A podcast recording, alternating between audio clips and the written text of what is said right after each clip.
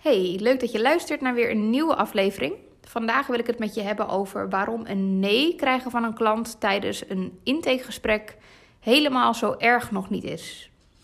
Dit staat misschien haaks op wat je wil. Dat snap ik. op het moment dat iemand bij jou een uh, intakegesprek boekt, dan is het super fijn om erachter te komen dat er een hele goede klik is. En om er vervolgens achter te komen dat de samenwerking tussen jullie twee of tussen jou en je team en een nieuw persoon, een klant, ehm, een gevolg is daarvan. Je investeert niet voor niks. Ik zou ook een hele podcast kunnen opnemen over hoe je ervoor zorgt dat je zo min mogelijk nee's krijgt in een salesgesprek. Um, misschien dat ik dat nog een andere keer ga doen. Wat ik je nu alvast wel daarover kan meegeven is dat het jou sowieso gaat helpen als jij er uh, heel duidelijk in bent in voor wie jij er wel bent en ook voor wie jij er niet bent. Ik merk namelijk dat sinds ik mijn content op uh, social media zo inricht dat um, eigenlijk ik al mijn teksten schrijf en de stories die ik opneem voor mijn precieze klanten, dat de mensen die ik vervolgens in een intake heb, exact die doelgroep zijn. En in mijn geval zijn dat meer ondernemers die al een tijdje bezig zijn, die al een klantenkring hebben opgebouwd, die niet per se meer startend zijn, maar gewoon al slagen van de zweep kennen. Uh, merken dat ze willen groeien in hun business, maar ook persoonlijk tegen het een en ander aanlopen, waardoor ze stagneren of waardoor ze niet door dat plafond heen breken. Vaak hebben mensen de hulpvraag als ze bij mij komen dat ze uh, verder willen groeien, maar dat het niet lukt. Dat ze merken dat ze minder plezier uit hun werk halen en dat ze dat er weer uit willen halen. Of dat ze bijvoorbeeld hun omzet willen verhogen, meer willen gaan verdienen um, en dat ze daarin stagneren. Toch kan het gebeuren dat ook al is mijn positionering vrij duidelijk, dat ik in een salesgesprek zit met iemand. Dus die heeft een intake bij mij geboekt voor een één op één traject. Aan het einde komt er sprake van, nou, uh, we kunnen gaan samenwerken. Dit en dit zijn de voorwaarden, dit is wat het kost. En dat ze alsnog nee zeggen. En ik kan me best voorstellen dat als ik het even betrek op jouw situatie, dat je dat het liefste niet wil.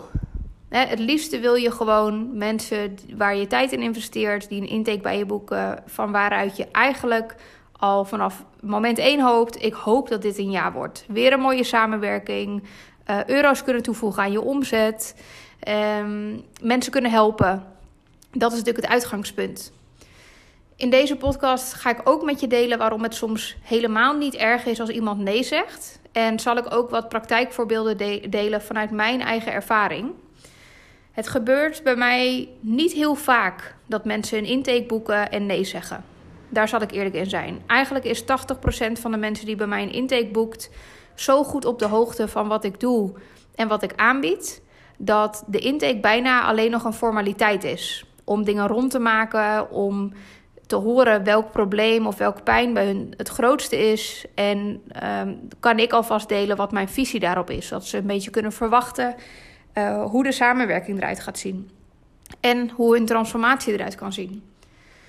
Soms gebeurt het wel dat mensen nee zeggen. En eigenlijk de momenten waarop dat gebeurt, um, die zijn lang zo erg niet. Tuurlijk zal ik ook met je delen dat ik het soms ook heel jammer vind. Dan zie ik een transformatie bij iemand en diegene zegt: Ja, ik ben er nog niet klaar voor of er is nu te veel gaande. Dan probeer ik altijd nog die bezwaren te tackelen, omdat het ook een beschermingsmechanisme kan zijn. Juist wanneer je iets nieuws gaat doen wat heel spannend is, dan komt dat angststuk vaak weer naar voren. Dus wat als het niet lukt? Het is wel een grote investering. Ik ga het denk ik nog heel even zelf proberen. Dat zijn eigenlijk allemaal mechanismes om je veilig te houden. En veilig houden betekent heel vaak klein houden. Dus ik zal altijd mijn best doen om die bezwaren met jou aan te kijken. Maar soms, soms ontstaat er gewoon een moment dat iemand um, nog niet op dat punt is om bij mij in een traject te stappen. Van de mensen die nee zeggen tijdens een intake, daarvan heb ik zo'n 60% zelf geïnitieerd. Dat betekent dat ik degene ben die zelf aangeeft: volgens mij ben je er nog niet. Volgens mij ben je er nog niet klaar voor. En um, concreet voorbeeld daarvan kan zijn dat afgelopen maand heb ik drie intakes gevoerd. Uh, of meerdere intakes gevoerd, maar drie intakes gevoerd waarbij mensen nee hebben gezegd. Bij uh, één van die intakes heb ik zelf geïnitieerd om het niet door te laten gaan. En dat had ermee te maken dat iemand wel aangaf van ik wil heel graag met jou samenwerken. Ehm, ik zou best wel uh, ja, het maximale uit mezelf willen halen. Ik geloof dat er nog wel groei in zit. Um, maar eigenlijk toen wij gingen um, toespitsen, inzoomen op wat er nu eigenlijk het probleem is, kwam er niks. En nu denk je misschien, ja, uh, oké, maar dat is toch juist fijn. Want je kan toch ook vanuit een comfortabele positie gaan groeien. Dat ben ik ook eens. Maar feit is wel dat mensen vaak bij mij komen omdat het begint met een pijn. Dus de pijn kan zijn: ik verdien al goed, maar niet genoeg. En ik wil meer. Dat doet pijn. Of ik help al wel klanten, maar ik mis ook een hoop. Ik loop ook een hoop klanten mis. Of mijn positionering is niet duidelijk en dat doet pijn. Of ik merk dat er patronen zijn die mij zelf klein houden en daardoor ook in mijn business een blokkade opwerpen. En dat wil ik niet meer, want als dit over een jaar nog steeds zo is, dan zit ik mezelf enorm in de weg. Loop ik een giga omzet mis, heel veel klanten en een heel stuk plezier. Dus vaak is het uitgangspunt pijn. En soms gebeurt het wel eens dat ik iemand in een intake heb die niet in pijn verkeert. Gewoon niet. en soms dan, um, ik ga altijd doorvragen. Hè. De intake is echt bedoeld om te kijken waar sta jij nu, wat doet er het meeste pijn. Uh, wat als je dat nog langer aanhoudt, wat gebeurt er dan? Wat doet, wat doet dat met je? Maar ook als je het omdraait. Hè, stel dat je wel nu die hulp zou accepteren en je zou instappen, waar zou je dan over een jaar kunnen staan? Uh, om de potentie uh, te belichten. Um, soms betekent het als er geen pijn is, dat ik wel vraag: wat is dan je hulpvraag aan mij? Hè, want als er geen hulpvraag is, dat zal jij ook weten als je met een coach gaat werken, dan wil je een bepaalde stip op de horizon hebben waar je naartoe gaat werken. En dat is super belangrijk. Want als iemand bij mij instapt en we gaan een half jaar aan de slag, dan wil ik wel van jou weten waar jij naartoe wil. En dat kan dus vaak een omzetverhoging zijn. Dat kan zijn, ik wil één duidelijke, um, één duidelijke doelgroep. Want nu doe ik het voor iedereen en dat wil ik niet meer. Of ik wil minder gaan werken en hetzelfde verdienen. Of maakt niet uit wat het is, als er maar een doel is. Als er namelijk geen doel is, dan hebben wij ook geen richting om in samen te werken. Dus even terugkomen op wanneer het niet erg is als een klant nee zegt of als je een nee krijgt tijdens een intake. Voor mij is het niet erg als iemand geen duidelijke hulpvraag voor mij heeft, waarnaar ik dus besluit wij gaan niet samenwerken, want ik hoor geen hulpvraag en ik ben dan ook niet de juiste persoon om jou te helpen. Dan wordt het een nee. Wanneer dat ook een nee kan worden, is als ik merk dat er nog te veel bezwaren zijn, waarbij ik in het intakegesprek al niet iemand in die lijn kan krijgen van uit je comfortzone gaan. Dus als iemand uh, bijvoorbeeld reageert met ja maar, of weet je, het is ook eigenlijk wel goed zo. Ik zou toch gelukkig moeten zijn met wat ik nu heb. En ik probeer diegene uit te nodigen om groter te denken. En diegene zegt, nou, het is ook eigenlijk wel prima. Dan ga ik daar niet aan trekken.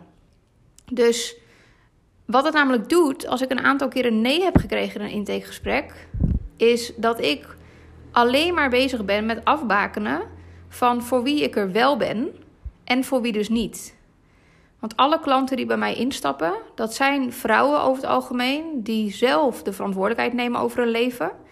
Die ik niet hoef te overtuigen van hun grootheid. Want ze voelen dat er meer is. Soms vergeten ze het en dan herinner ik ze eraan of denken ze, joh, ik wil 20k verdienen deze maand. En dan denk ik, ja, het kan ook 30. Dus ik, ik nodig hun echt wel uit.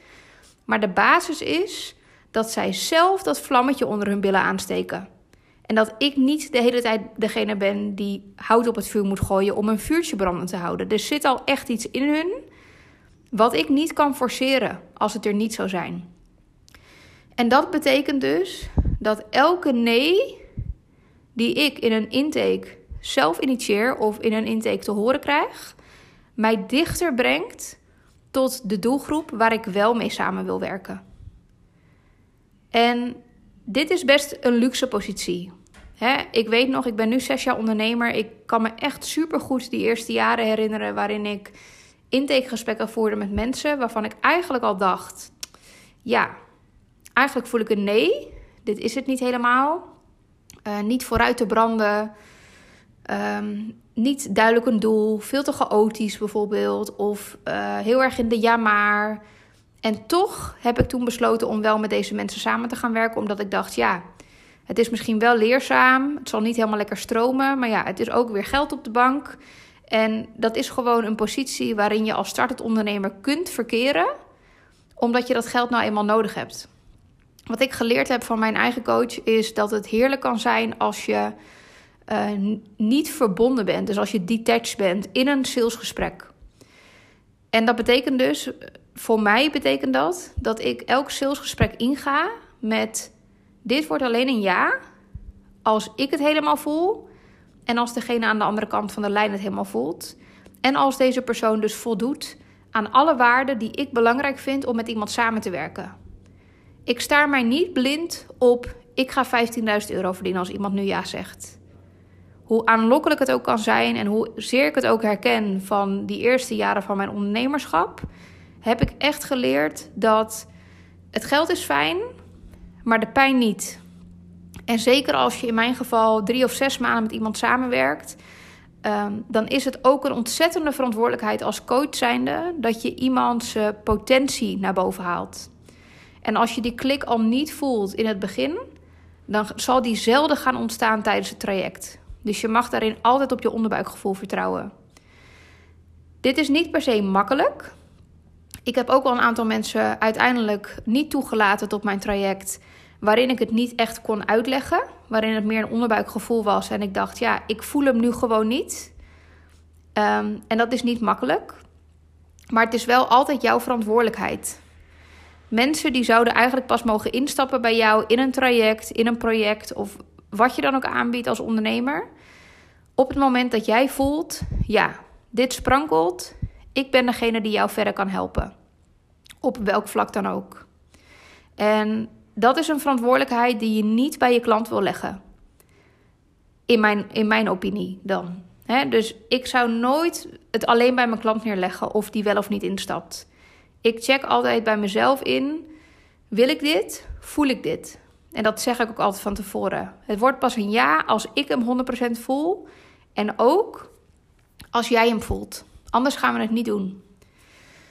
Um, een van de dingen die daaruit kan ontstaan, is dat een nee niet altijd een nee blijft, maar soms ook een ja kan worden. Vandaag heb ik een super mooie intake gehad met een dame die bij mij de ondernemende vrouwentraining heeft gevolgd. Een training die nu helaas even niet meer bestaat. Um, ondertussen wordt hier lekker geboord. Misschien hoor je het op de achtergrond. En zij heeft bij mij de training gevolgd. En daarna voelde ik van... hé, hey, volgens mij zouden wij um, in een traject nog veel meer kunnen bereiken. Um, toen zij hier langskwam, voelden wij allebei dat het te vroeg kwam. Ze verkeerde nog niet in pijn. Ze had eigenlijk geen hulpvraag. Ze stond nog een beetje aan de start van net nieuwe keuzes maken in haar bedrijf. En gewoon even kijken hoe dat zich zou ontwikkelen. Nu, inmiddels een maand of drie later, denk ik, stuurde ze mij weer een mail en zei ze: Ja, er is toch het een en ander veranderd. Um, ik wil toch weer een intake. En eigenlijk na tien minuten zei ze: Ja, ik, ik weet wel dat ik het wil. Dus vandaag is deze dame alsnog bij mij ingestapt. En dat terwijl wij in eerste instantie allebei voelden: het komt te vroeg. Dus dat is ook wat ik aan jou wil meegeven. Als ik toen met haar was gaan samenwerken, hadden we een heel rommelig startpunt gehad. Geen duidelijk doel, geen stip op de horizon. En waren we maar gewoon een beetje gaan zwemmen. En dat is voor haar zonde van haar tijd, energie en investering. En van mij ook zonde van mijn tijd en mijn energie. Dus onthoud ook dit. Een nee brengt je altijd dichter tot een ja. Al is het omdat je klant ziet dat je niet zomaar iedereen binnenhaalt die je binnen kan halen. Dat ze echt voelen van jeetje, jij zegt echt alleen maar ja hè, als het goed voelt. En als je de potentie ziet, dus je wordt ook veel serieuzer genomen. Het maakt de ja's ook een stuk makkelijker. Omdat je nou eenmaal afbakent wat je wel en niet belangrijk vindt. Dus ga voor jezelf eens na. Wat zoek jij in een klant? En dat is soms ervaring opdoen. Um, ik heb echt ervaring moeten opdoen als coach dat ik er niet altijd hoefde, hoefde te zijn voor mijn coaches. In het begin zei ik, joh, je mag me altijd bellen en altijd mailen en zelfs appen. En op een gegeven moment merkte ik, dit is voor mij niet fijn, want dit is continu een inbreuk op mijn privé-tijd. Maar hun hielp het ook niet, Want bij elke blokkade konden ze mij uh, een appje sturen, waardoor ze eigenlijk nooit eerst naar binnen keerden om te kijken van wat voel ik nou. En daarmee legde ik eigenlijk de verantwoordelijkheid continu bij mij neer, terwijl het daar niet hoorde. Dus sommige dingen zul je eerst moeten ervaren om te kijken wat wel of niet werkt. En sommige dingen kun je misschien nu al bedenken. En ga dan eens kijken voor de eerstvolgende klant die jij benadert voor een intake of een klant die jou benadert. Hou dan dat lijstje in gedachten. En dat lijstje is bijvoorbeeld voor mij: is dit al een ondernemer die zichzelf serieus neemt? Is dit een ondernemer die bereid is om ongemakkelijk te zijn, om vervolgens te kunnen groeien? Is dit al een ondernemer die al een klantenkring heeft, zodat we niet nog bezig hoeven met klanten her en der sprokkelen? Of is dit een ondernemer die misschien net begint en nog helemaal geen één klant heeft, maar zo'n ongelooflijk power mindset heeft dat ik daar voel van ik hoef me daar geen zorgen over te maken? Is het een ondernemer die bereid is om het werk te doen en die verantwoordelijkheid neemt? Dus die mij geen vragen gaat stellen die ze ook kan googelen. En voor mij is dat pure gevoel op basis van de zes jaar ervaring die ik heb. Um, en het helpt me echt ontzettend tijdens een intakegesprek om al dan niet een ja of nee te verkopen. Want nogmaals, als een klant nee zegt, dat kan vanuit die kant. Maar het is ook aan jou om die verantwoordelijkheid te voelen. Om soms een nee mede te delen. Zelfs als een klant denkt van ja, maar ik wil dit eigenlijk wel. Als jij geen match voelt, ergens in je onderbuik of intuïtie, dan mag je er altijd op vertrouwen. Of je kan aan je klant de vraag stellen: overtuig me maar. wat voor type coachie ben jij als je bij mij instapt? Wat maakt dat jij het waard bent, dat jij mijn tijd waard bent? Wees niet bang om je grenzen aan te geven. Oké, nou, dit was even, um, nog even in het kort de podcast over waarom het horen van een nee tijdens een intake niet per se verkeerd is. In, naar mijn mening helpt het je om dichter bij de klanten te komen die jij wel graag wil helpen. Um, waardoor je niet een soort van eenheidsworst bent. Een coach bijvoorbeeld die er voor iedereen is. Of een ondernemer die er voor iedereen is. Hoe specifieker jij wordt in de doelgroep die je kiest. Hoe makkelijker het ook gaat worden om tijdens een intake te voelen of iemand wel of niet voor jou is. En het helpt je ook om een stuk serieuzer genomen te worden. dan hoef je niet meer die ondernemer te zijn die tegen iedereen ja zegt en blij is met elke klant. Waardoor je misschien toch sneller hagel schiet en denkt: ja, het past niet helemaal, maar ik doe het maar. En zullen de mensen die bij jou instappen ook echt voelen dat zij een soort van de chosen one zijn? Dat ervaar ik nog steeds. Mensen die bij mij in een traject stappen, die zijn gewoon blij dat ze erbij mogen. Omdat ze echt weten dat er een soort strenge selectie op zit en dat ik echt niet iedereen toelaat. Dus de uitnodiging voor jou is: ga eens voelen in hoeverre jij duidelijk hebt wie jouw droomklant is.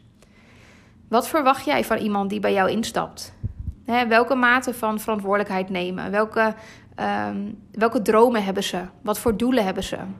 En ga eens dat scenario uitwerken van die samenwerking met jouw perfecte klant. En misschien heb je mazzel en heb je die klant al. Ga dan die persona's eens uitwerken. En hou die in gedachten elke keer dat je een salesgesprek voert. En hou die persoon ook in gedachten als je vervolgens op Instagram een post gaat schrijven. Dan weet je namelijk dat je de juiste persoon aanspreekt.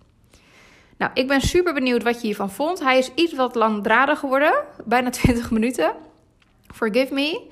Als je hier nog vragen over hebt, opmerkingen of misschien heel anders over denkt, alles is welkom. Stuur me dan gerust even een DM op Insta en dan spreek ik je de volgende keer.